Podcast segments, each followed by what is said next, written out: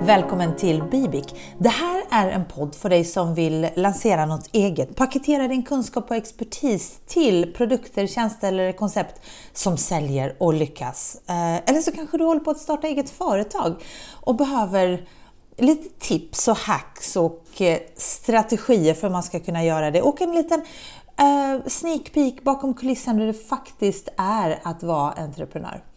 Jag heter Magdalena Bibik och jag är med dig här måndag, onsdag, fredag. Där måndagar och onsdagar är eh, lite lifehacks och på fredagar så har jag en, en reflektion där jag typ berättar om veckans tankar och funderingar och ger dig förhoppningsvis lite tankeställare och kanske lite relief. Eh, för jag gissar att du ibland funderar på, är jag ensam om de här besluten? Och nej, det är du inte. Och det är det som fredagarna är till för. Idag så skulle jag vilja ägna det här avsnittet till att prata misslyckanden. Du kanske hörde eh, mitt avsnitt från i fredags, fredagsreflektionerna nu senast. Gå tillbaka eh, två avsnitt i flödet så ser du det. Och där nämnde jag en zumba-klass jag hade varit på.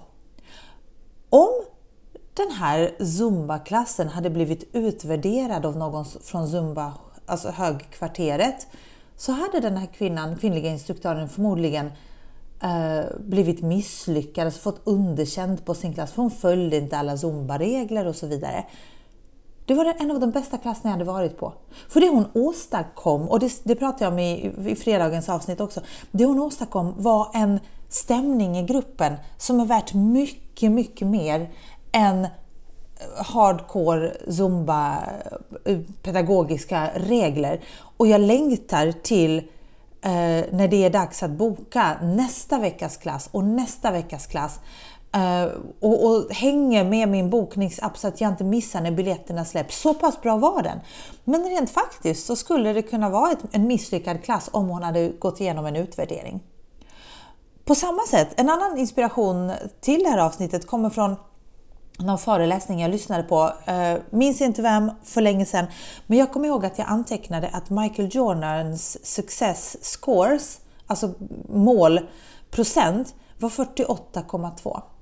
Alltså Michael Jordan missar oftare än vad han sätter. Och ändå så är han genom historien en av världens bästa basketbollspelare. Men hans eh, träffsäkerhet är 48,2. Och då kan man ju fundera på alla de där perfektionisterna där ute som tycker att allting ska vara 100%. Och nu ska jag erkänna, jag, jag tillhör de som tycker att man ska gå the extra mile. Man ska göra sitt absolut yttersta med de förutsättningarna man har. Jag nöjer mig liksom inte med good enough om det finns möjlighet att göra det bättre. Men om det, inte, om, om det inte finns förutsättningar att göra det bättre, om det är så att, att kunden får det man har beställt, om det är så att det inte finns mer tid att göra det ännu bättre, då kan man väl inte misslyckas om man har gjort det absolut bästa som man kan. Jag brukar coacha folk som ska eh, hålla en presentation och föreläsning. Många av mina kunder gör ju det. Och när någonting ska antingen då presenteras live eller filmas. Och, och de är ju väldigt nervösa för hur det här ska gå. Då brukar jag säga, men du vet, publiken har ju ingen aning om vad du ska säga. Dina deltagare har ju inte något manus som du har delat ut på förhand som, du kommer, eh, som de kommer rätta som sufflörer om du håller dig till manus. Utan du gör ditt absolut bästa utifrån det ämnet du ska presentera och den kunskapen du ska förmedla. Då kan du inte misslyckas. Och jag har ibland jag kan, jag kan vända mig lite mot de här, det finns lite olika skolor när det gäller misslyckanden. Vissa uppmuntrar det in absurdum. Du måste fejla för att lyckas. Ja, det är bra om du det är bra om din, i din livskarriär finns både högt och lågt och, och läxor lärda och, och, och, så här. Men jag menar, hade jag kunnat gå igenom mitt yrkesliv utan att misslyckas en enda gång? Lucky me! Men visst, det som misslyckanden ger det ger lärdomar, det ger perspektiv, det kanske ger lite både skinn på näsan och lite ödmjukhet. Så att de är ju inte för ingenting. Ehm, och, och, antingen så lyckas man eller så lär man sig. Men jag skulle vilja bli lite mer ah, pragmatisk, eller ge dig ett lite mer pragmatiskt eh, förhållningssätt till misslyckanden. För vad är det som misslyckas? Är det du eller är det det du säljer? För jag har själv nämligen ett, ett ytterst eh, separerat förhållande till det jag producerar. Jag är inte mina kurser, jag är inte min podcast, jag är inte min, eh, mina föreläsningar utan de är egna produkter eller tjänster eller som jag ibland kallar då för artikelnummer.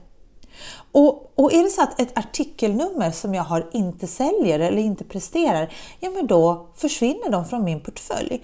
Och jag tror, jag tror att det är ett större misslyckande att hålla kvar vid någonting för att man inte har en möjlighet att separera sig från det, än att säga att nej, det här funkar inte som det skulle. Det här togs inte emot som det skulle av publiken eller av målgruppen.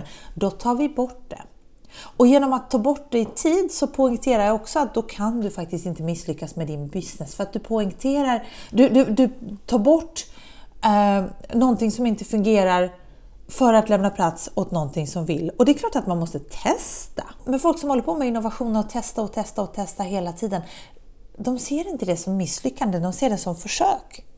Och om det här försöket inte fungerar, då tar vi ett nytt försök.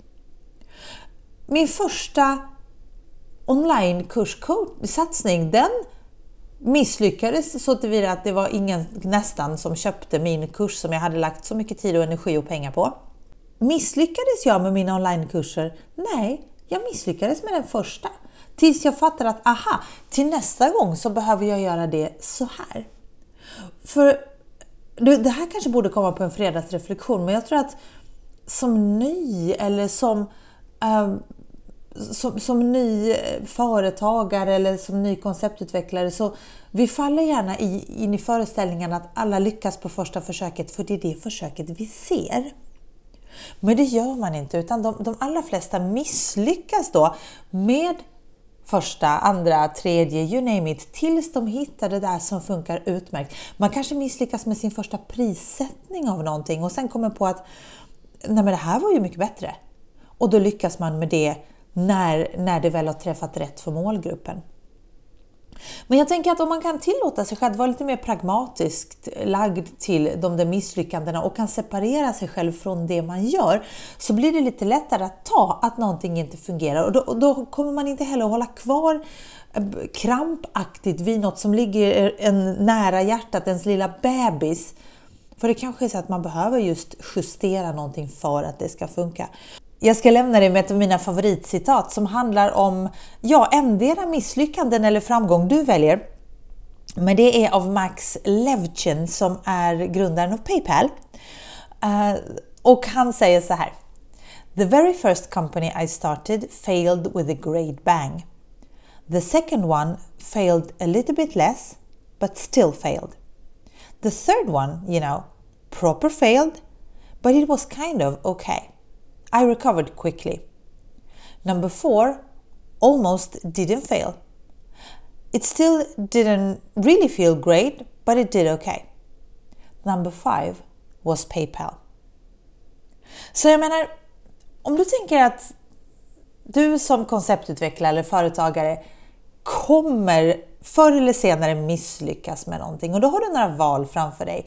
Ska det här misslyckandet definiera dig eller ska du tänka på Mike Slevchin eller min första kurs och där jag befinner mig nu eller, eller vem som helst som säkerligen har fått testa flera gånger om innan de hittade det där liksom guldkornet eh, och där deras företag plötsligt bara skyrocket.